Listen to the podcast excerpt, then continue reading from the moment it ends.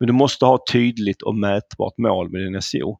Annars blir det liksom inte bra. För att det som är en stor styrka med Google jämfört med traditionell marknadsföring är att det går att mäta. Man kan ju utvärdera i slutändan och se hur det har gått och justera och göra det bättre. Det är det som jag tycker är så fascinerande med SEO. Men för att du ska kunna göra det så måste du ha satt ditt mål, ditt mätbara mål.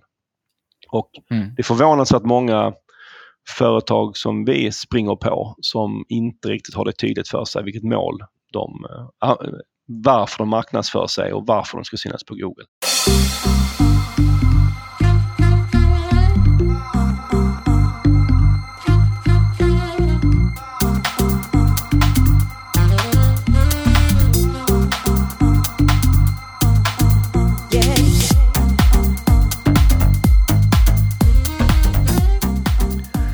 Välkommen till ännu ett avsnitt av Digital marknadsföring med Tony Hammarlund. Podden där jag intervjuar branschexperter och ledare. Och jag gör det för att lära mig nya ämnen och för att ta reda på vad som krävs för att bli digital marknadsförare i världsklass. Dagens gäst är Mikael Wahlgren som är en av Sveriges främsta SEO-are. Han är också en av grundarna till SEO-byrån Pineberry och poddare med populära Sökpodden. Mikael har dessutom skrivit boken Guldläge på nätet tillsammans med Magnus Bråth som är en bok om grunderna i sökmotoroptimering. Jag bjöd in Mikael för att diskutera hur man som marknadsförare arbetar med SEO. Du kommer bland annat få höra de fyra faserna i arbetet med SEO, hur man gör en budget för sin SEO, verktygen du behöver i ditt arbete, varför du inte bör lyssna så mycket på Google och hur du lär dig mer och håller dig uppdaterad. Nu lyssnar vi in på mitt och Mikaels samtal. Hej Mikael, välkommen till podden. Tack Tony, kul att vara med. Eh, jag har läst din bok Guldläge på nätet som du skrev tillsammans med Magnus Bråth och mm. jag är ju en, även en flitig lyssnare på Sökpodden. Kul. Eh, men innan vi pratar mer om ämnet för dagen som är sökmotoroptimering mm. så hade det varit intressant att höra lite hur du började med det här ämnet och mm. kanske lite vad du har för bakgrund också. Om vi ska gå eh, riktigt långt tillbaka så, och det hör nog ni som lyssnar, att jag kommer ju söderifrån, jag kommer från Malmö ursprungligen. Flyttade till Stockholm efter gymnasiet för att plugga ekonomi. Så jag är utbildad ekonom. Eh, hade sett framför mig en karriär i finansbranschen. Och eh, till studenten, eller till studenten, jag, jag blev klar med, med mina studier här i Stockholm 1999 och då tog jag ett jobb på ett ställe som heter Avanza som nog många känner till. En väldigt bra bank. Jag eh, trodde att det var ett finansjobb men det var det inte för det, var det som var unikt på Avanza var att de gjorde det, sin grej på internet. Då. Eh, så det var mer av ett internetjobb och sen dess har jag jobbat med internet och framförallt då marknadsföring och till viss del affärsutveckling på internet. Därefter Avanza så eh, fortsatte jag internetsvängen och jobbade på eh, olika spelbolag där då SEO var väldigt viktigt. Eh, så det är väl där jag lärde mig grunderna till, till SEO. Och sen för drygt tio år sedan så, så startade jag och en kollega som heter Stefan Pineberry eh, som vi driver än idag. Vad är det du gör idag på Pineberry? Eh, fram till ungefär ett och ett halvt år sedan så var jag VD sen, sen starten. Då, ungefär nio år var jag VD. Men nu har jag en lite mer fri roll kan eh, man säga. Eh, där jag till viss del jobbar med några av våra kunder och kan säga att jag delar min tid mellan några kunder och vår egen marknadsföring. Så att jag, du nämnde podden och boken som jag skrivit. Jag, jag gör mycket sånt. Att jag åker ut och föreläser och eh, skriver olika artiklar här och där. Hur skulle du då beskriva vad sökmotoroptimering eller SEO som det förkortas på engelska är för något? Ja, alltså det handlar om att äh, synlighet på Google, att synas när någon googlar efter någonting som, eh, som du har att erbjuda. Och man, oftast så är det, handlar det om då för, för företag att synas när en potentiell kund googlar efter någonting som du kan, kan lösa, antingen om det är en produkt eller en tjänst. Eh, och med, med, med, med tanke på att vi googlar mer och mer så är ju värdet av att synas vid de här googlarna ökar ju för varje år som går. I boken Guldläge på nätet som ni skrev, du och Magnus, så har ni ju ett upplägg med ett par olika moment som ni delar upp sökmotoroptimering i. Mm. Och jag tycker det är en bra översikt, ända då från analys till utvärdering, eh, vilket gav mig som marknadsförare bättre koll tycker jag, hur man faktiskt arbetar med SEO. Inte bara mm, att man cool. optimerar enskilda delar. Just översikten och det här tycker jag är någonting som annars saknas i många guider och blogginlägg och artiklar och så vidare. Varför tror du det är så? Eh, det är för att det är en jättebra fråga. Eh, jag tror det är att, att, eh, att många när man ska göra SEO så hoppar man rakt in i själva det praktiska som ska göras, till exempel ändra saker på sin sajt. Men då hoppar man över några viktiga steg innan för att eh, man måste veta varför man ska göra det och på vilket sätt innan du kan börja optimera din sajt. Så att av någon anledning så hoppar man över oftast ett par steg och då, då, då blir det inte bra till slut. Ja, för ofta så saknas det antingen det här med mål och budget eller att man helt glömmer utvärderingsfasen. Ja. Jag tittade senast idag på Googles egna guide för sökmotoroptimering. Mm. Och där hoppar de över det helt och hållet och det känns ju kanske lite när, eh, när Google själva inte ens Eh, berör de här ämnena. Nej, men där ska man också veta att Google, det här låter lite konstigt, men Google är inte speciellt bra på SEO. Och de behöver inte vara bra på det heller och deras mål är ju heller inte att du och jag ska jobba för mycket med SEO. De vill ju att vi ska köpa annonser via AdWords istället. Som jag tycker när det just gäller SEO så ska man inte lyssna allt för mycket på Google för det, det ligger kanske inte i deras intresse heller att, att lägga ner allt för mycket energi på att lära ut SEO. Det, det, det, det verkar inte som de vill det i alla fall utan SEO får man oftast lära sig från på annat sätt än, än just från, från, från Google. Men också som du sa, men det är även så att man det är ganska ofta man också inte liksom tänker allt för mycket kring vilka sökord man, man ska synas på utan du, du börjar med det här att fixa till dina titlar och texter och H1 och allt vad det är utan att veta vad det är du ska synas på. Och det är inte SEO. Utan då Nej. har du missat en del av, av processen. Vad finns det då för fördelar att ha god kunskap om SEO som marknadsförare? Ja, man, kan, man kan ju svara på det på det här sättet att för, för många, för, för, tio, eller så här, för tio år sedan eh, när vi startade Pineberry så var ju SEO kanske någonting som var en krydda som man jobbar med som marknadsförare. Alltså man gjorde traditionell marknadsföring men man la på det här på toppen. Idag är det ju för många företag tvärtom att, att synas på Google är liksom grunden i marknadsföring för väldigt, väldigt många företag. Så det är inte så att eh, jag tycker kanske inte man kan se det som en nytta utan jag säger att du måste kunna det här som marknadsförare idag. Det finns liksom inget alternativ. Det är för många företag den absolut viktigaste kanalen till att få nya kunder. Mm. Och som företag bör man, bör man ha den här kompetensen inhouse med anst sina anställda, sina egna marknadsförare eller ska man ta den här kunskapen utifrån som en byrå då som Pineberry?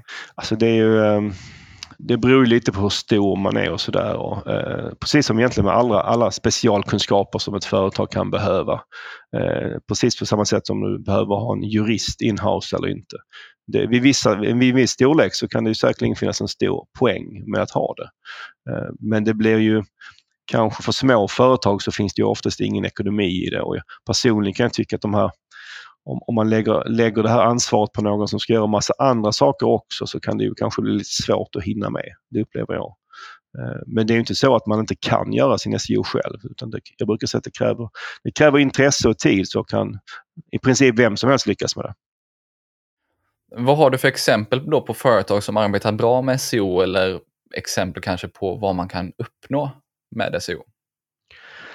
Alltså, det är, det är lite svårt att säga vilka företag som är framgångsrika på ett sätt för att det är, för mig blir det lite relativt. Alltså det beror på hur, vilken potential som finns och hur mycket man har satsat och sådär. Men generellt sett kan man ju säga att företag som brukar lyckas väldigt bra på med SEO är ju e-handlare. Eh, och då tänker jag mig säga framför mig företag som till exempel Zalando eller Fyndik eller Partykungen. Det är den typen av företag som har startats relativt nyligen eh, och där Google har är en väldigt viktig kanal för deras del. Eh, så att den typen av företag, e-handlare, där finns ju, ser man många av de sajter och företag som får absolut mest trafik från Google. Ehm, men sen, sen kan man också säga att det finns ju väldigt, väldigt små och kanske andra typer av företag som eh, lyckas väldigt bra på Google, kanske också med ganska små insatser. Jag brukar ta min, mitt pappas företag som, som exempel. Han eh, driver en verksamhet i Göteborg som heter Kikiriki som hyr ut tält och eh, möbler och har gjort det ungefär 25 år. Och sen han började satsa på SEO för en 6-7 år sedan så, så har det liksom ändrats hans utveckling, hans bolag. Jag tror de har mer än dubblat omsättningen sedan dess och enligt honom så, så beror det i princip bara på att, att, att han numera syns bra på Google. Och majoriteten av alla kunder han får idag kommer från Google och så var det inte innan han började jobba med det. Så även bland de här väldigt små företagen så kan man hitta eh, en stor framgång. Så att jag, jag, skulle säga att det är svårt att måla ut några enskilda företag som speciellt framgångsrika. Ja, men det är ett ganska bra exempel där du tar med din, din fars företag. Där. Ja. Men sen, brukar jag ta ett annat exempel som jag tycker kanske är eh, urtypen för en typ av sajt som Google älskar och det är Wikipedia. Mm. Eh, och nu är inte det ett kommersiellt företag men det finns mycket att lära sig av Wikipedia för Wikipedia har ju, är ju byggt och gjort på ett sätt som gör att det syns väldigt bra i sökresultaten. För det märker man själv när man googlar. De syns ju på, i toppen på var och varannan sökning man gör. Och det är för att de har delat in sin sajt enligt tydliga ämnen, alltså tydliga sökord. Och sen på varje ämne, varje sökord så har de väldigt bra och mycket innehåll, sånt som Google älskar. Och det är så pass bra innehållet att det attraherar länkar. Så de har ju byggt en, liksom en SEO-maskin och om, sen är det såklart svårt för företag att helt och hållet jobba på samma sätt som Wikipedia. Men om man tänker Wikipedia när man tänker på sin egen verksamhet att man kanske kan bli lika mycket av en expert som Wikipedia är inom sitt lilla område. Då har man goda förutsättningar för att lyckas på, på Google. Innan vi hoppar in på hur man arbetar med SEO så tänkte jag kolla vad det är man behöver ha på plats före man börjar. Mm. Jag tänker liksom på Google Analytics med Google Search Console och så vidare. Mm. Du menar vad man ska ha på plats mer än de två sakerna eller? Ja, egentligen så man har någonstans en checklista innan man nu börjar med mm. sitt sökmotoroptimeringsarbete. Vad är det man eh, behöver ha på plats? Alltså, det som är det absolut viktigaste är att man har klart för sig målen med sitt arbete. Vad är det, är det SEO ska leda till? För har du inte det så kan du inte, du kan inte göra SEO då enligt mig. För SEO handlar väldigt mycket om att optimera. Och för att du ska kunna optimera så måste du ha någonting att optimera mot. Och det är ju ditt mål. Och vad du har för mm. mål beror ju på vad du har för typ av företag. Är det en e-handlare så är det oftast att sälja grejer. Är du ett business-to-business-företag så kanske det handlar om leads och sen finns det ju andra företag som kanske har som mål att driva trafik om det säger att du är Aftonbladet. Så. Men du måste ha tydligt och mätbart mål med din SEO. Annars blir det liksom inte bra. För att det som är en stor styrka med Google jämfört med traditionell marknadsföring är att det går att mäta. Man kan ju utvärdera i slutändan och se hur det har gått och justera och göra det bättre. Det är det som jag tycker är så fascinerande med SEO. Men för att du ska kunna göra det så måste du ha satt ditt mål, ditt mätbara mål. Och mm. Det är förvånansvärt många företag som vi springer på som inte riktigt har det tydligt för sig vilket mål de äh, varför de marknadsför sig och varför de ska synas på Google. Men det eh, är, ju väldigt viktigt att ha det på plats. För ut, egentligen så är det liksom det är, det är dumt att börja ut, innan det är helt på plats. Och sen rent tekniskt när du väl har målet så måste du såklart se till att det går att mäta målet. Att du har satt upp spårning och sånt på det. Men först måste du bestämma dig vilket mål du har om man nu har det här, man har satt upp ett mål och det är förhoppningsvis också kopplat till eh, en större, större marknadsstrategi och eh, affärsmål och så vidare. Mm. Men om man har allt det på plats, var börjar man sen? Ja, men då är nästa steg att, att fundera på, om man har sitt mål på plats, då är nästa steg att fundera på utifrån det här målet, vilka googlingar vill jag synas på? Vilka googlingar finns det där ute som kommer leda till att mitt mål uppfylls? Och det är det som kallas, brukar kallas att man gör någon form av sökordsanalys och det är ju um, det är, en, det är en ganska svår uppgift faktiskt, en utmanande uppgift som, ehm, som ofta, man aldrig riktigt blir klar med heller för man hittar hela tiden nya sökord. Exempelvis så är det så att var sjätte googling som görs har ju aldrig gjorts innan.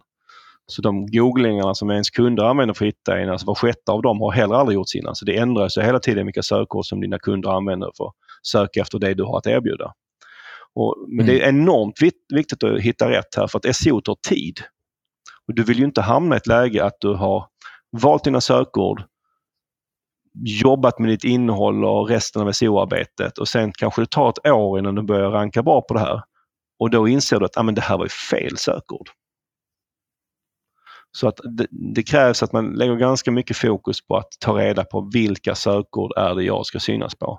Och där eh, tycker jag att man ska tänka man ska liksom tänka ganska snävt, i alla fall till att börja med. Att man ska liksom man ska inte ta sökord som är kanske nice to have utan du får ju fundera igenom av alla de som googlar på just det här sökordet, hur många eh, av dem eh, är ute efter det jag har att erbjuda.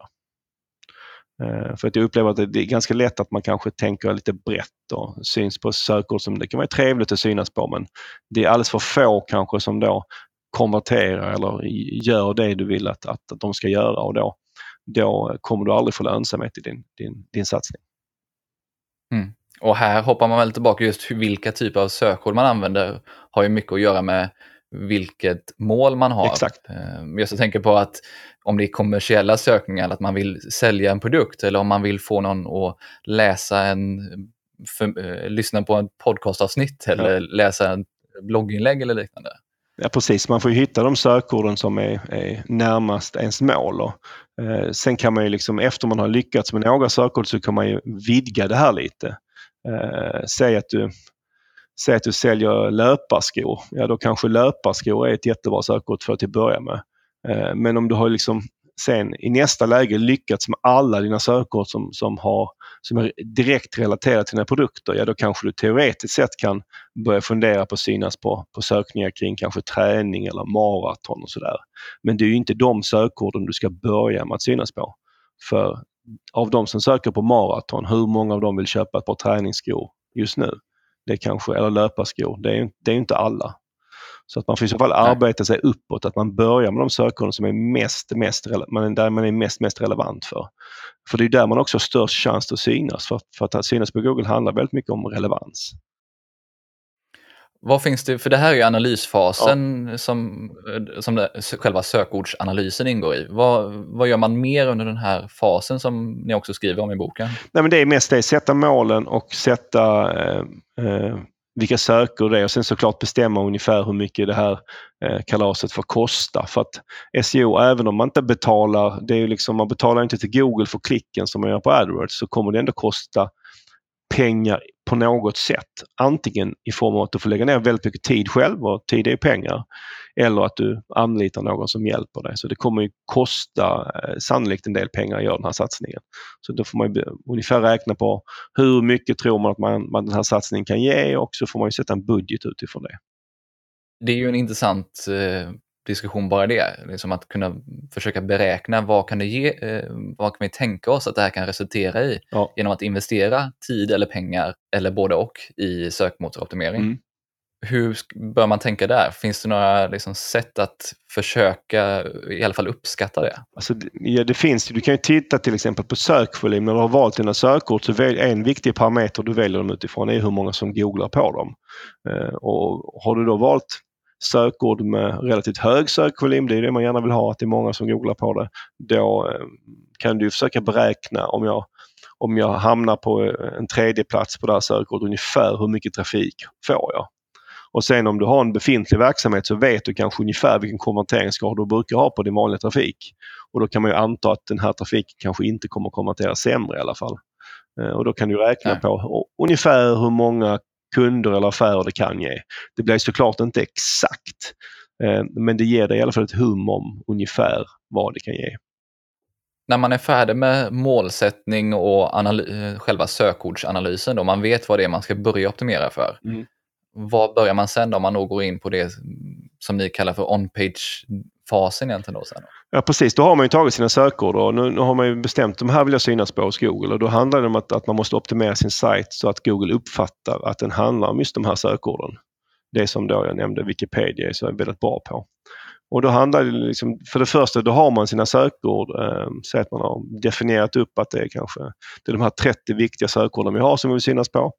Då får man hitta vilka sidor på sajten ska vilket sökord ha. Eh, det är det man kanske gör först. Eh, eh, en väldigt förenklad sätt här att se på det. Ungefär, man kan tänka ett sökord, en sida. på sin sajt. Ungefär som Wikipedia fungerar, en sida, ett ämne. Man vill ju inte, Google eller användare vill ju inte komma till en sida som handlar om två helt olika saker. Eh, så då får man liksom antingen liksom fördela ut de här sökorden på befintliga sidor eller så får man skapa helt nya sidor på sajten om de här olika ämnena eller sökorden som man då ska synas på. Mm. Och Sen när man har sina sidor eh, då gäller det att optimera dem enskilt och då handlar det om att man eh, jobbar med, med, med till exempel titeln, rubrikerna och framförallt H1, den, den huvudrubriken och brödtexten, bilderna för att skapa eh, så pass bra och relevant innehåll att man kan synas på just den sökningen med just den sidan. Eh, och där är liksom oftast en utmaning att om man har, om man har en, en hyfsat stor sajt eh, så innebär det kanske att man måste skapa ganska mycket innehåll. Det upplever jag att det är oftast en sån tröskel man måste över. Att, att man eh, måste skriva en hel del. För det är ingen tvekan om att Google älskar text. Då. ju mer text du har desto större chans har du att lyckas. Kolla bara på, på, återigen på Wikipedia som exempel. Att de har, det är oftast ganska text, eh, textrika sidor. Um, så det, och det... Rekommenderar du att man ger sig på hela sajten samtidigt och börjar optimera eller ska man ja. välja ut en del av ett visst antal sökord först? Nej, men man får ju ta det. Alltså, det här är ett långsiktigt arbete så, så att Ehm, om du har då kommit fram till att ja, det är som ett exempel att du har 30 sökord, ja, då får du ta, då får du ta ett sökord i taget och, och, fixa till sidan för det. Liksom. Och så får du göra det i den takt du hinner om du gör det själv. Ehm, det är inget, jag ser inget problem med att det tar ett tag innan det är klart. Jag brukar säga det ibland till de som då säger att jag kan inte skriva så här mycket text. Liksom. Jag, jag hinner inte med. Nej, men se det, säg det på ett års sikt. Skriv två texter i veckan. Ja, då har du skrivit liksom 100 texter på ett år. Eh, så, så kan man också se det, att man sakta men säkert bygger upp sin relevans mot Google. Det är ingenting som behöver hända på en eftermiddag. Nej. Um, så att det är de innehållsmässiga grejerna. Sen finns det mer en hel del tekniska saker man ska tänka på också. Och de beror lite på hur stor sajt man har. Har man en stor sajt så kan de här tekniska sakerna spela väldigt, väldigt stor roll. Till exempel hur man länkar internt mellan sina sidor. Um, det spelar väldigt, väldigt stor roll. Ehm, att man gör det på ett effektivt sätt, att man länkar till de viktigaste sidorna först och sen till de näst viktigaste och så vidare. Och så vidare. Och sen är en faktor som Google eh, tittar mer och mer på är ju hastighet. Att Google gillar inte långsamma sidor, framförallt inte på mobila googlingar. Eh, så det är också någonting man får se över, att, att se till så att man är tillräckligt snabb i alla fall. Man vill inte vara, mm. alltså, man kanske inte vinner någon guldmedalj för att man är snabbast men du kan få negativa effekter av att du liksom är långsammare än eh, dina konkurrenter. Och, och det... Sen har väl det mycket med konvertering också att göra just med snabbheten, att det är ingen som orkar, orkar vänta på en långsamt laddande webbsida längre. Nej, absolut. Det, det största skälet till att jobba med hastighet är, fakt är inte SEO utan det är konvertering och användarupplevelse som du säger. Men nu är det också en SEO-faktor av samma anledning att Google vill ju inte när du till exempel googlar på din mobil och, och du klickar på en länk i sökresultaten så fattar, har ju Google insett att om det liksom bara står och, och, och snurrar och inte händer någonting så blir ju deras, upplever man ju deras produkt som ganska dålig. Och det vill de ju inte. Mm. Eh, så de vill ju försöka snabba upp världens sajter för att det, för att det kommer gynna dem också i, i slutändan såklart. Vad finns det för fler saker som man gör just när man jobbar med sin egna sida då, on-page? Ja, men det, finns ju, det beror som sagt väldigt, väldigt mycket på, på vad man har för typ av sajt men, men eh, det handlar ju väldigt mycket om det här med att, att skapa och, innehåll eh, på sina sidor och att länka mellan sina sidor på ett vettigt sätt. Framförallt om du har en liten, lite större sajt. Att du, att du äh, länkar till relevanta sidor inom din sajt. Äh, ungefär precis som, som återigen om man tar Wikipedia som exempel. Eh, så att, men mycket, mycket handlar om att skriva innehåll. Och eh, det, där tycker jag också ett ganska, ganska bra tips att eh, om man då undrar varför man kanske inte rankar så bra på, på Google eller man funderar på hur mycket innehåll behöver jag för att kunna synas på det här sökordet. Så kan man ju titta på de som rankar i topp på den här sökningen och se hur mycket de har jobbat med sitt innehåll. För att det är sannolikt så att du behöver ha lite mer för att kunna slå dem. Eh, mm. Så det är ett ganska bra sätt och även det med hastighet att man kan kolla hur de som rankar över mig, hur är de snabbare eller långsammare än jag? Så då får man också en känsla för vilka delar där man brister och där man behöver jobba mycket. Mm. Sen en, en viktig och relativt aktuell sak är också att se till att, att en sajt, det här kanske känns lite gammalt men, men, men det är fortfarande så att det är viktigt att vara eh, mobilvänlig.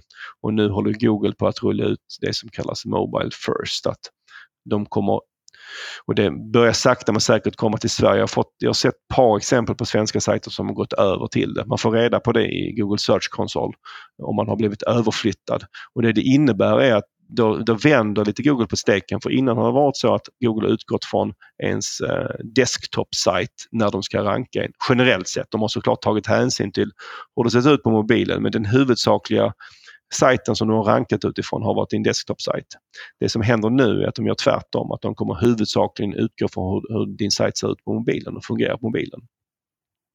Mm. Och det, om man tar ett exempel då att man har en, en, att man har en separat mobilsajt idag eh, som har mycket mindre innehåll eh, och kanske till och med inte har alla sidor som din desktop-sajt har.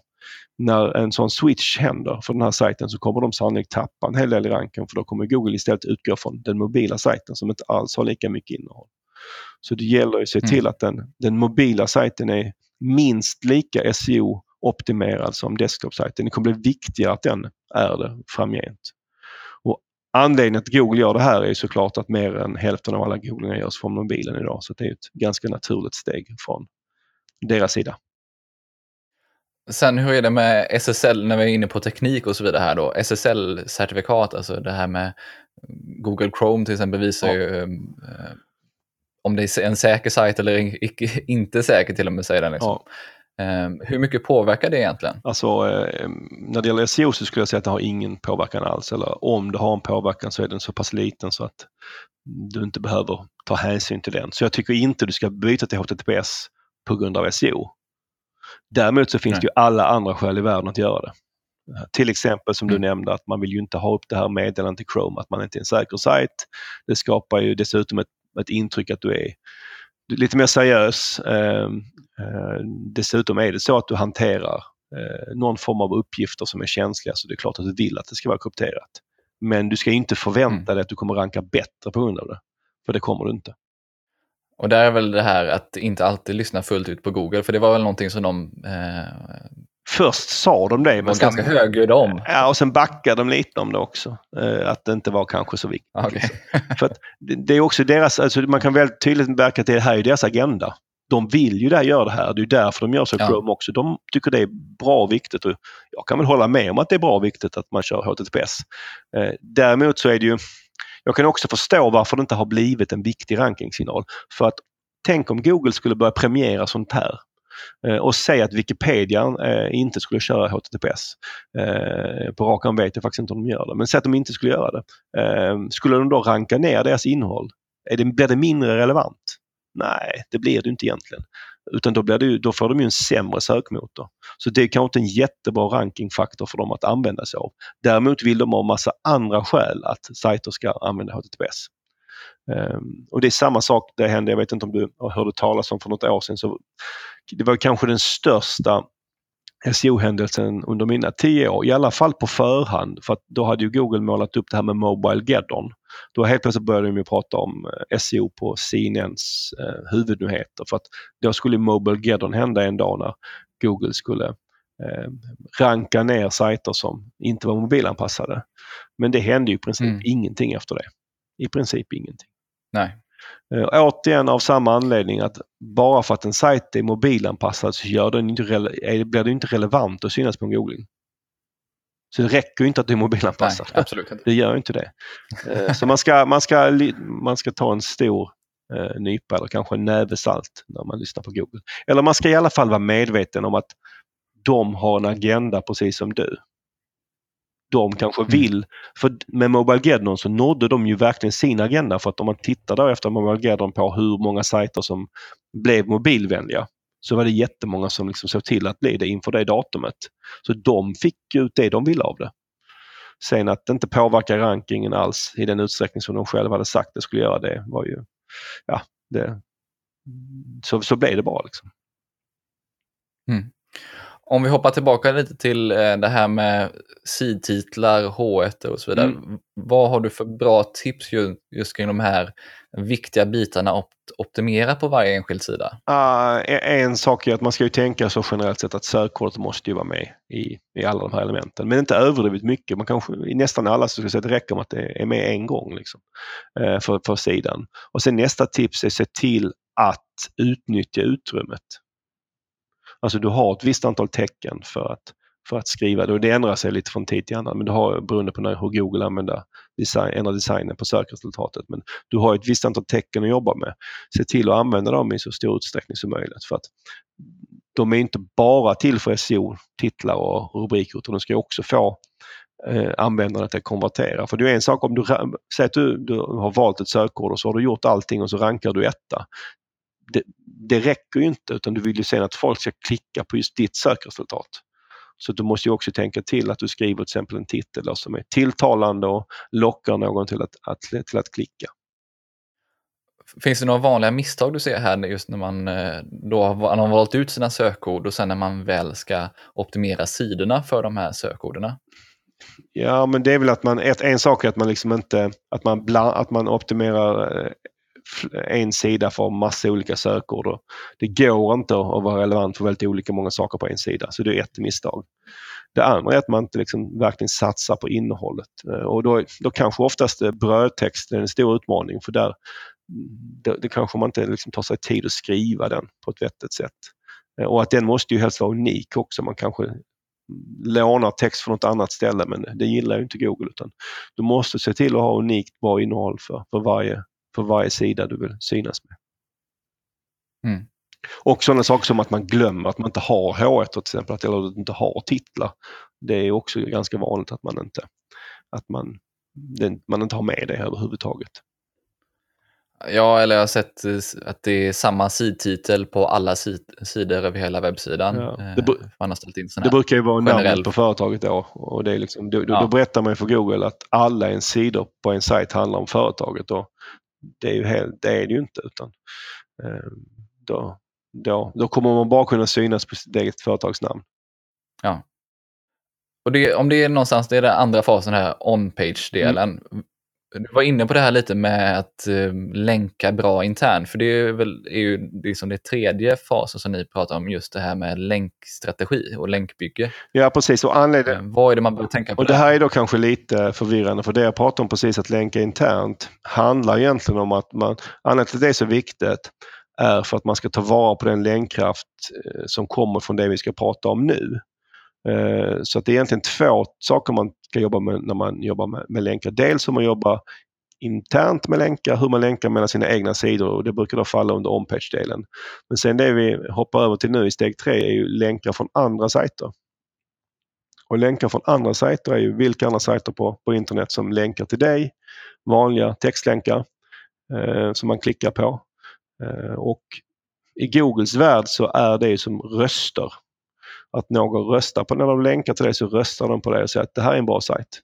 Och ju fler och ju bättre röster du, du har desto större auktoritet får du av Google och desto större sannolikhet är det att du kommer eh, lyckas. Det finns ju olika rankingfaktorer som avgör vilken sajt som rankar överst men jag tror ändå att de flesta bedömare skulle säga att de två viktigaste är ens innehåll och länkar. Så det är de i kombination som, som avgör vem som rankar i topp. Så om man mm. tänker sig ett exempel där det finns tre sajter som har ungefär lika bra innehåll på, gällande en viss sökning, ja, då är det i, i många fall hur, eh, hur mycket och hur många bra länkar man har till sin sajt som kommer avgöra vilken av de här tre som kommer ranka i topp. Vad är då en bra länk? För något? Så en bra länk är en länk från en, en sajt som har många länkar till sig. För att ju fler, för ju mm. fler länkar du har till dig desto mer länkkraft kan du skjuta iväg när du, du länkar iväg så att säga. Så en drömlänk, om jag får tänka en drömlänk så ja, jag skulle kanske vilja ha en, en länk från regeringen.se eller riksdagen.se. Det varit fantastiskt. Det är, inte så lätt, det är inte så lätt att få en sån länk men, men det, hade varit, det hade varit en bra länk för, från mitt perspektiv. Det betyder ju inte mm. att en länk från en, en, en sajt som inte har så mycket länkar till sig är dålig. Det betyder inte alls. Utan det är bara att den ger kanske inte lika mycket i kraft. Den ger någonting men den ger inte lika mycket. Den ger en röst men den, den andra rösten du kan få är större. Men sen relevans också är väl en viktig fråga när det gäller länkar. för det här styrkan i enskilda sajter, men hur är det med relevansen i liksom att mellan dig och den här sidan som länkar? Alltså, det är lite lurigt faktiskt för det har blivit en sån lite trend att, att, att många anser och säger att ska, det, det, är viktigt att det är superrelevant. Eh, att du bara ska ha länkar från alla andra relevanta sajter. Men jag skulle inte riktigt se det så. Det är klart att det kan finnas en viss fördel men om du tänker rent logiskt så det är sällan man länkar till sina konkurrenter. Jag skulle till och med säga att det kanske inte är att rekommendera.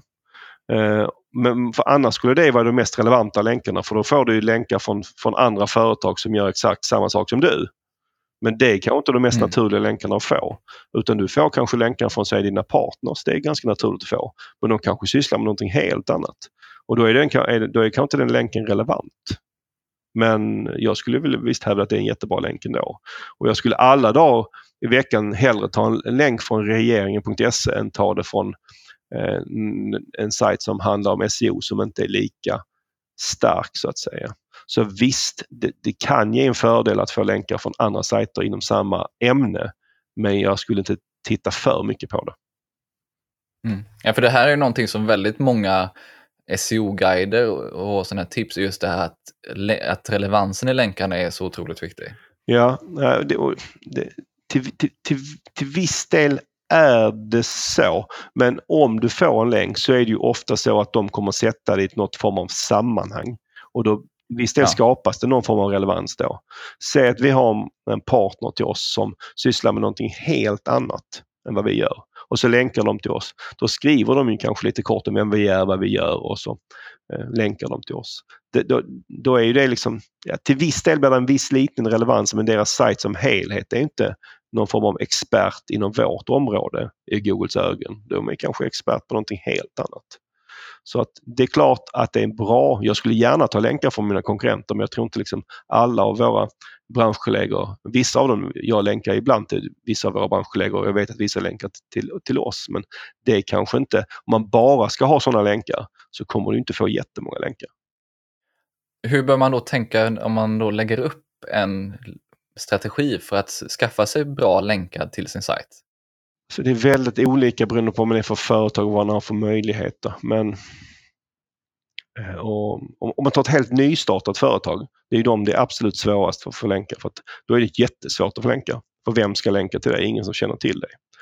Eh, och e, ett tips jag tycker funkar för nästan alla är att man kanske ska se sig om i sin omgivning, kanske ens partners, leverantörer, kunder, de kanske har möjlighet att länka till en initialt. Det är ett ganska bra sätt att få i alla fall de första länkarna. Mm. Sen är du ett jättestort företag, eh, säg att du är Volvo till exempel. Då är det sannolikt så att du har vansinnigt mycket länkar redan. Eh, och det, det, bästa, absolut bästa sättet du kan få länkar på, få mer länkkraft som Volvo. Är, är, nu vet jag inte för just Volvo, Volvo är ett exempel, det är möjligt att de har tagit hand om sina länkar men många företag tar inte hand om sina länkar. Så att en väldigt stor andel av de länkarna som pekar till en sajt pekar till sidor på sajten som inte finns längre. Och då kan man liksom återvinna mm. de länkarna, den länkkraften genom att fixa till det.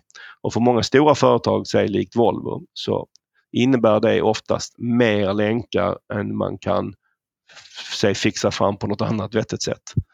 Eh, så, så, det beror lite på vad man är för företag, vilka möjligheter som finns. Eh, mm. Och, och Säljer du någonting som eh, en produkter som är väldigt populära rent i konsumentledet så är det oftast kanske lättare att få länkar från olika bloggare som skriver om dina produkter eller skriver om dig på olika sätt. Men, men sen samtidigt eh, är du ett, är du ett business-to-business-företag som kanske eh, en rörmokare så kan det vara svårt att få den typen av länkar. Så att eh, Det är väldigt olika från fall till fall hur man ska jobba med sina länkar. Och precis som när det gäller att skapa sitt innehåll som jag pratade om så ska man inte få någon form av panik här att jag måste få jättemånga länkar jättesnabbt annars kommer det inte fungera. Utan jobba metodiskt med det här för du bygger upp dina länkar under åren det kanske tar ett tag innan du får tillräckligt mycket länkar för att kunna synas på de sökord du vill men du måste börja någon gång. Men hur, hur ska man tänka för att attrahera länkar? För om man börjar med de här, skaffa de här enkla länkarna ja. som är från ens leverantörer, ens eh, partners eh, och, och så vidare. Vad, vad gör man sen för att skaffa med handel? För du var inne på ett sätt är ju att ta vara på de här vad ska man, brutna länkar och så vidare. Ja. Men hur gör man för att attrahera länkar? Ett sätt är ju att skapa väldigt bra innehåll som folk kan länka till. Ehm, det är ju eh, ungefär som jag nämnde på Wikipedia, och har haft uppe så många gånger som exempel, men de är väldigt bra. Man länkar gärna till Wikipedia för att de har väldigt bra innehåll. Och du kan ju göra, det här beror återigen vad du har för verksamhet, men om, du kan ju göra väldigt bra kanske material inom ditt område, allt från guider eh, till olika, liksom, svara på de här vanliga frågorna som eh Eh, dina potentiella kunder har. Då har du ju möjligheter att få länkar, att de länkar till dig. Ehm, det är ett bra sätt. Men återigen, det, det beror lite på ehm, att från företag till företag vad man vill göra. Ett annat bra exempel om vi tar från oss, att ja, när vi startade Sökpodden, det har ju visat sig att det är ett ganska bra sätt att få länkar på, att man startar en podd. Men det kanske mm. inte är så att alla vill starta en podd för att få länkar. Men det är ett sätt att få länkar på, för då folk länkar till en podd. Eh, starta en blogg är också ett sätt att, för att då oftast kan man få länkar till det. Eh, så det finns liksom olika sätt. Man får ju se eh, det från de förutsättningar som finns på, på, det här, på det här företaget. Och också hur mycket länkar som behövs. För är du en lokal rörmokare i, i, i en mindre svensk stad, då kanske inte du då kanske du klarar dig ganska långt med de länkarna du kan få från dina, dina partners, leverantörer och kunder. Då kommer du kanske ganska långt på bara dem. Medan om du ska konkurrera med, med Zalando så gäller det att satsa lite mer för att kanske få eh, samma länkkraft som de har. Hur gör man då en bedömning av hur mycket länkar man behöver? För det här är väl någonting, man kan ju lägga hur mycket tid som helst på att försöka attrahera fler länkar. Men hur gör man den bedömningen? Vad, vad behöver vi för att uppnå de målen? Vi ja, det, det, är ju såklart ganska svårt, men, men man, det man kan göra som ger någon fingervisning att man, man tittar på dem i en segment som man vill eh, slå, som man vill komma högre upp än på Google. Och så tittar man hur många länkar de har.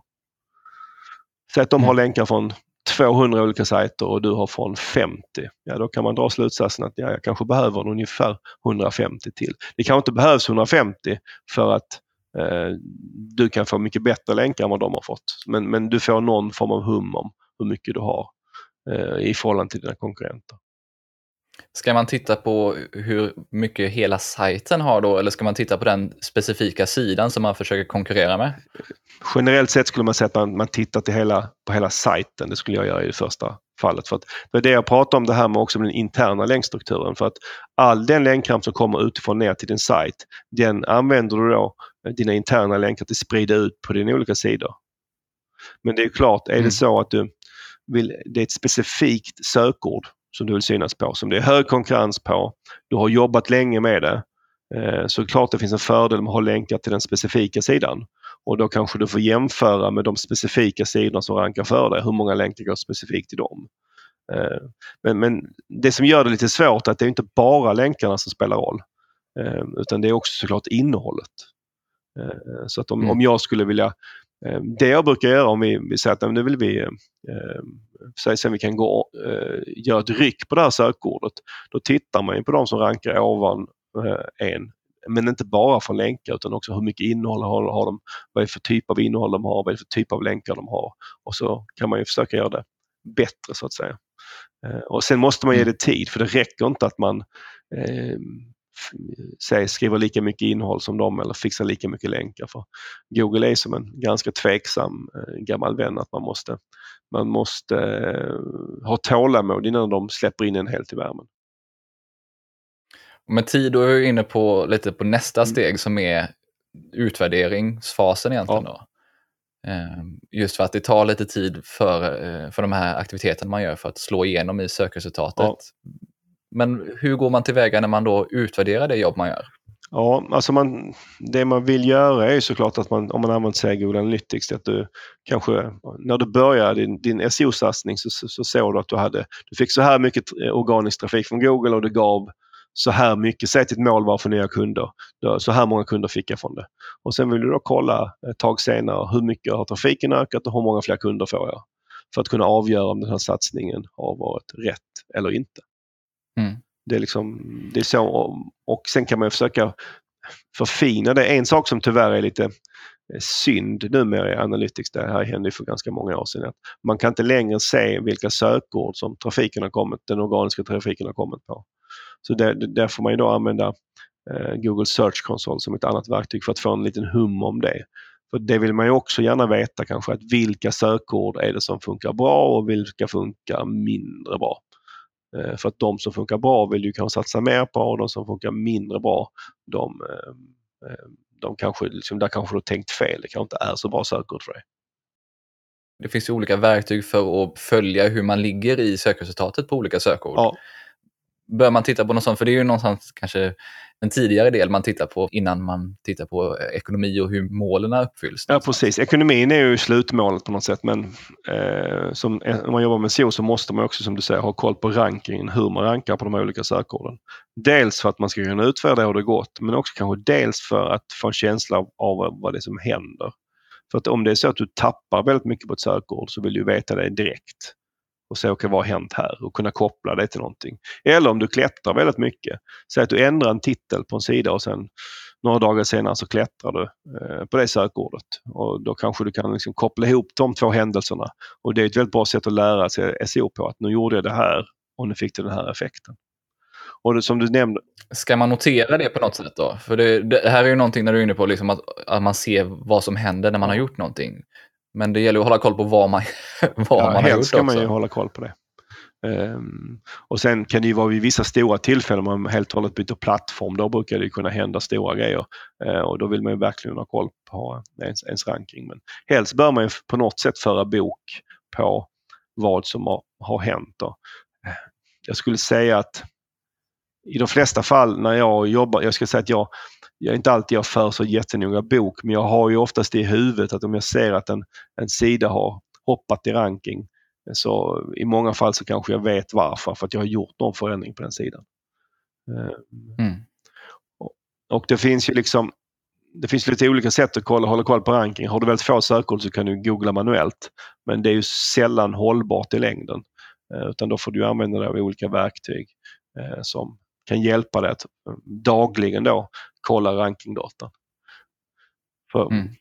Du kanske inte jag ska inte säga att man måste själv kolla på det dagligen men du vill ha den datan fall du behöver gå tillbaka och se vad som, när någonting hände. Eh, till exempel om du lanserat något nytt på eh, och, så inser du efter att vi ta, har tappat och då vill du försöka kunna, hände det här i direkt anslutning till när vi lanserade det här nya? Eller var det så att du tappade innan? För tappade du innan då kan du säga då hade det ingenting med lanseringen att göra. För att du vill då kunna felsöka på ett vettigt sätt så du vet vad det är som har hänt och inte hänt. Så eh, lite Mm. som en, eh, jag gissar att en, en, en läkare jobbar, att man, man vill försöka ta fram en diagnos vad det är som har hänt och där är rankingdata eh, väldigt, väldigt viktigt. Har du några tips på verktyg? Vi kanske kommer in lite mer på verktyg sen, men just när det gäller att eh, spåra var man ligger någonstans i ranking, och eh, rankingdata. Ja, jag skulle, Vad har du för jag tips skulle säga de två vanligaste tror jag i Sverige är, där finns ett rä- verktyg som heter Wincher och så finns det ett som heter AVR, Advanced Web Ranking, som båda två eh, gör det här. Man ska också ha en detalj i sammanhanget att Google vill egentligen inte att man håller på med det här och det är därför man inte riktigt kan få tjänsten av dem. Så, eh, därför måste man köpa den av, av, andra som, som, som gör det. Eh, Du var inne på det här liksom föra bok Ja. lite nu över saker man gör, men för hela den här, för nu har vi gått igenom de fyra momenten egentligen, Mm. faserna. Bör man ha en, någon dokumenterad SEO-strategi eller något eh, annat sätt att dokumentera vad man gör och vilka mål man har och så vidare? Ja, men alltså, eh, jag är inte så jättemycket för långa strategier för det blir oftast inte att man läser det. Men det, det är väl jättebra om man har skrivit ner i ett, ett, ett, ett stycke eller en mening vad målet är. Så det är supertydligt för alla inblandade. Det här är målet med satsningen. Det är väldigt viktigt.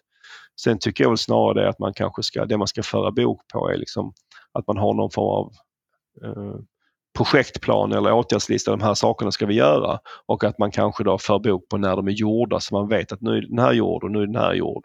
Eh, Så att man kan dels hålla koll på att saker och ting blir gjort, gjort och dels också kunna gå tillbaka och se att nu gjorde att vi har kanske tagit, eh, tappat eller tagit i ranking och kanske kan koppla det till vad man, eh, vilken av de här olika sakerna som har, har orsakat det. Så keep mm. it simple men någon form av eh, kontroll över vad du gör, det är ju alltid bra. Ja, det var samma sak som jag pratade med Pontus senast om content marketing-strategi, ja. att den ska försöka hålla den så kort det bara går. Kan man få ner på en sida så är det absolut bästa. Ja.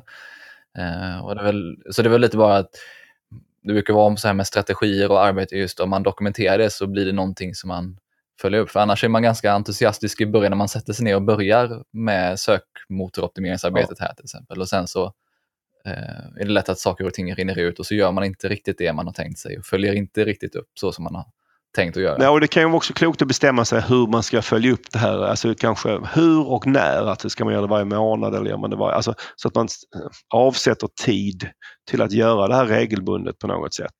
För att i det, så här brukar det oftast bli att i det dagliga så kanske inte man kan dra de här tydliga slutsatserna utan du måste ha lite data för att kunna se om det, vilket håll det går åt och man kan lära sig saker och ting. Och då, då måste man kanske sätta sig ner och okay, nu ska jag utvärdera hur det gått senaste månaden eller senaste kvartalet eller senaste halvåret eller vilken period det är nu man väljer.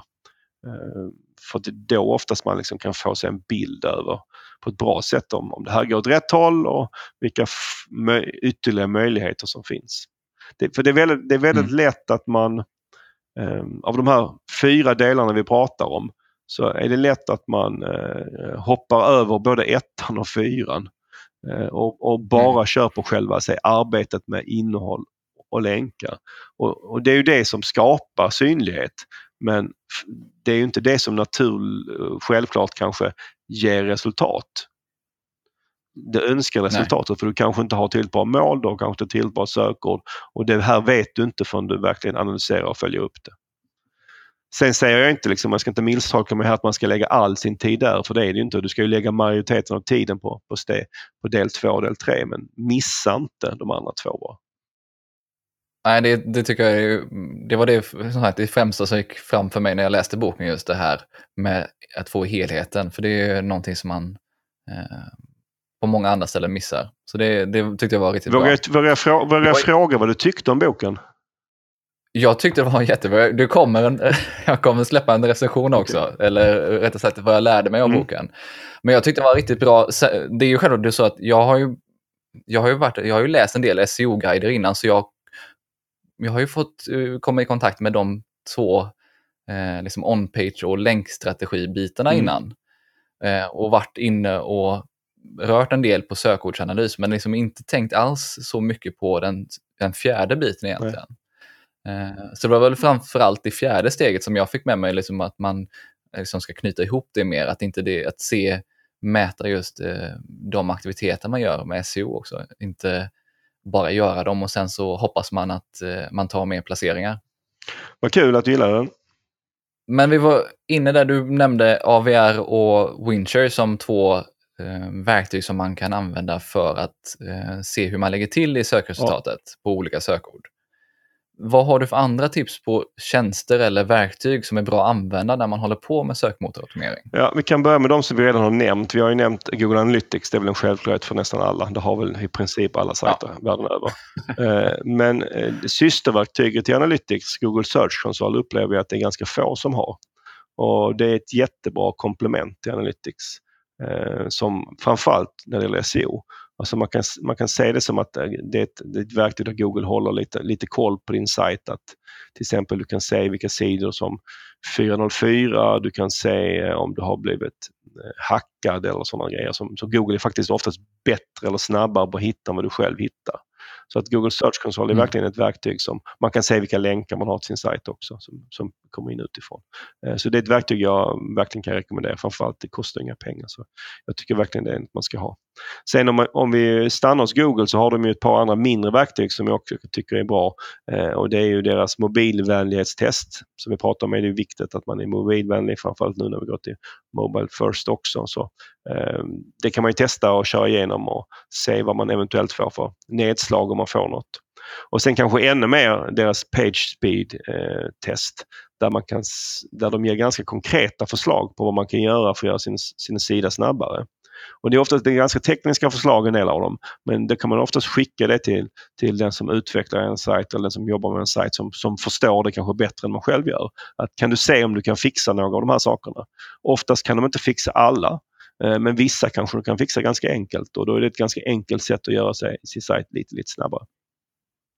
Mm. Och sitter man själv med det så är det ett bra sätt att faktiskt googla de här svaren man får i det här ja, testet. Exakt, exakt. och sen eh, om vi går till lite andra verktyg som de um, kostar pengar i, i någon form så mitt favoritverktyg när det gäller länkar, alltså länkar som uh, pekar till, till din sajt, det är Ahrefs heter det. Uh, där kan man också numera till viss del göra en del sökordsanalys men jag använder det framförallt för länkar. Det, det är väldigt, väldigt bra. Uh, och sen har vi ju det finns ett verktyg som heter Sistrix eh, som är bra för svenska marknaden, för några marknader till men det är bra i Sverige. Där man kan se, där kan man se vilka sökord ens konkurrenter syns bra på. Så det är ett, bra, ett väldigt bra mm. verktyg mm. att till viss del kolla på sin egen synlighet men kanske framförallt att hitta bra sökord från ens konkurrenter. Och det ska, tycker jag inte man ska vara blyg för att se vad, vad, vad de har. De har som vi pratade om det här med sökordsanalys så kan det vara lite kämpigt att hitta rätt. Och det är klart man på ett F, kan man på något sätt lära sig från sina konkurrenter så det är klart att man ska göra det. Mm. Och sen eh, kanske favoritverktyget här på kontoret på Pineberry är ett verktyg som heter Screaming Frog och det, det är ett verktyg som man har för ganska tekniska SEO för då kan man säga att då skickar man iväg en spindel på en sajt som är lite lik Google spindel som hämtar hem all information.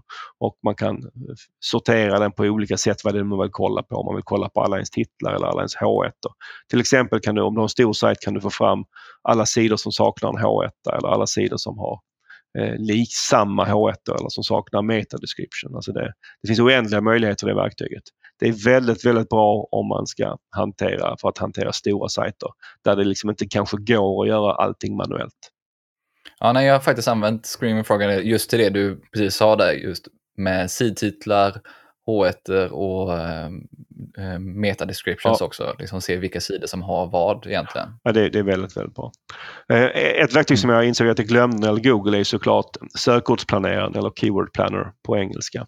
Och Det är en del av AdWords men eh, där är ju det bästa stället skulle jag säga fortfarande där du kan se hur många som googlar på ett visst sökord under en månad. Och det är ju väldigt viktigt i din sökordsanalys att du väljer utifrån att det är sökord som folk, folk faktiskt googlar på. Numera mm. måste man ju vara en eh, betalande AdWords-kund för att få tillgång till den datan på, på ett vettigt sätt. Men om man inte är det så är mitt tips att eh, du känner garanterat någon som, som annonserar på AdWords och då kanske du kan låna deras konto ett tag för att, för att, se, för att kolla upp dina egna sökord. Och du föredrar liksom sökordsplaneraren framför andra. Eh, du nämnde Ahrefs ja. till exempel. De har ju också, som du nämnde, en möjlighet att köra sökordsanalys där ja. också. Eh, men du väljer ändå sökordsplaneraren före ett sånt externt verktyg? Ja, jag gör det. Än så länge. Jag tycker fortfarande, jag personligen, jag vet att det finns att det, hör, det finns kanske några andra kollegor i branschen som börjar svänga över till de andra men jag skulle ändå fortfarande säga att sökordsplanering är den som har mest relevant data än så länge. Men, men har man möjlighet så är det klart att man kan använda båda två. Eh, för det finns inga av de här verktygen som är helt perfekta. Liksom.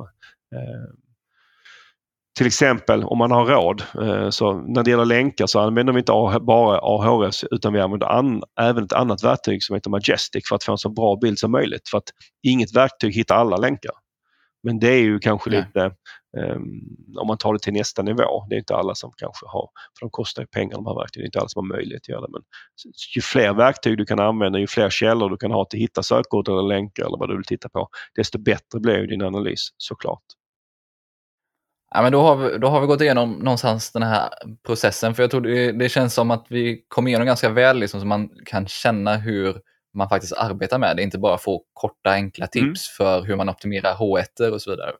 Eh, för det, det tror jag säkert att många, om inte annat, har hittat förut när man har funderat på SEO. Mm. Men om man vill bli riktigt bra på det här området, vad är det viktigaste att ha koll på då? Alltså om man ska bli riktigt bra eh, så måste man eh, sätta eh, eh, så att säga, händerna i arbete. Alltså du måste börja jobba praktiskt med det här. Det, det går inte att läsa, som det är i många yrken såklart, att du, du måste börja testa dig fram. Ehm, till exempel många, ett bra exempel på det är att många som är duktiga på SEO är ju sådana som kanske har börjat inom affiliate, att de har börjat bygga egna sajter och försökt få dem till ranka på Google och misslyckats med vissa grejer och lyckats med andra och dragit slutsatser kring det. Så du måste verkligen börja göra SEO. Det är det bästa sättet att lära sig på. Och då, som vi bara pratat om, ha någorlunda koll på vad du gör, följa rankingen, eh, se vad som händer, se vad som inte händer. Eh, det är det bästa sättet att, att lära sig att jobba rent praktiskt.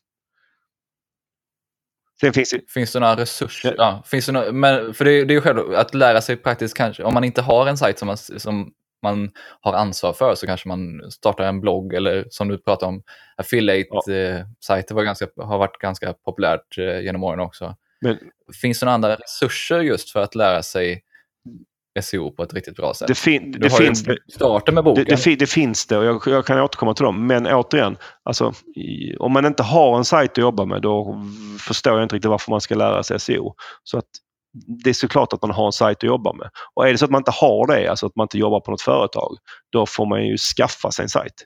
För det är, liksom så, det är ungefär som att lära sig cykel och inte ha en cykel. Alltså, det blir ju lite poänglöst. Så du måste mm. komma igång. Men såklart så finns det andra resurser för att, för att lära sig. Och, eh, boken såklart det, men det är ganska grundläggande. Men, men eh, sen skulle jag säga att det finns ganska många bloggar som skriver om det här. Eh, och framförallt då kanske amerikanska. Eh, och det, finns, det, kommer ut väldigt många som, som jag test, framförallt gillar ju de här sakerna de har testat olika saker för att se om det påverkar eller hur det påverkar. Och eh, om jag ska nämna en blogg, en amerikansk blogg, eh, så är det en blogg som heter searchengineland.com. Eh, de själva är inte de som håller på att testa jättemycket och skriver som, som är mycket egentligen egna tankar och idéer utan de är mer kanske som en nyhetssajt. Så händer det någonting så ska det mycket till om inte det nämns där. Så det är ett bra ställe att utgå från för att hitta det man vill läsa. Mm. Och, och, sen en annan eh, sak som jag gillar är eh, Moss som är ett amerikanskt eh, SEO-företag. De har ett nyhetsbrev där de varannan vecka skickar ut en lista på de tio mest intressanta nya artiklarna inom området. Eh, så då får man det ganska på ett ganska, nu har de ju valt ut det här är de tio mest intressanta. Jag tycker det är ganska praktiskt. Jag brukar alltid hitta några artiklar där, där jag kan läsa vidare och, och eh, lära mig mer om. Ehm, sen finns det ju klart man kan följa på sociala medier allt från olika hashtaggar som är relevanta och alla olika grupper man kan vara med i, både svenska och och utländska. Så det är väl de sätten som vi håller reda på vad, vad som händer och, och försöker lära oss, lära oss eh, mer. För det, som tur är så finns det ganska många som delar med sig när de testar praktiska saker. Att nu har jag testat det här och eh, så här gick det. Och det är ju, då kan du dra fördel av det. Att det är inte alltid man har möjlighet att testa allting själv. Sen har vi ju en jättebra resurs, just för, nu när jag var inne på Search Engine Land, när man pratar lite mer och hålla sig uppdaterad kring det som händer. Um, här i Sverige så har vi ju sån här, det finns ju ett par grupper, det finns på Twitter så har vi hashtaggen där SVs SEO och så vidare. Precis. Sen finns ju, finns ju även Sökpodden ja. eh, som du kör själv. Ja, den kan jag rekommendera. Den är ju den är ganska nördig och medvetet på en ganska avancerad nivå så det är väl ett bra ställe om man känner att man kan grunderna och vill lära sig mer. Och där, där släpper vi ett avsnitt, eh, kommer ett, eh, vi gjorde ett avsnitt den här veckan så vi släpper ett varje månad där vi gräver ganska djupt i, i tre olika ämnen varje gång. Och då, inne, då ni tar upp en hel del trender ja. och man kan ju inte prata om SEO utan att prata lite trender. tyvärr är, tyvärr, tyvärr är det väl så. och mycket det som, någonting som diskuteras ganska mycket är ju röstsök jag har läst en hel del om det. Vad, vad säger du om sånt, liksom det, de trenderna kring röstsök som diskuteras just nu? Ja. Innan jag kommer in på röstsök så vill jag bara börja, det här är lite som, som jag kanske predikar, men eh, hur, hur jag ser på trender är att det kan vara lite farligt när man jobbar med SEO att tänka och fundera för mycket på trender. Jag får jättemycket frågor kring röstsök och jag, jag svarar på dem men jag tycker att de som jobbar med det här inte ska fundera så mycket på hur det kommer att bli i framtiden. För du kan inte optimera mot en framtida algoritm. Du måste optimera med hur, hur det funkar idag. Så lägg din energi på hur det funkar idag och fundera inte allt för mycket på hur det eventuellt blir i framtiden. För att det enda vi vet om framtiden är att vi inte riktigt vet hur det kommer att bli.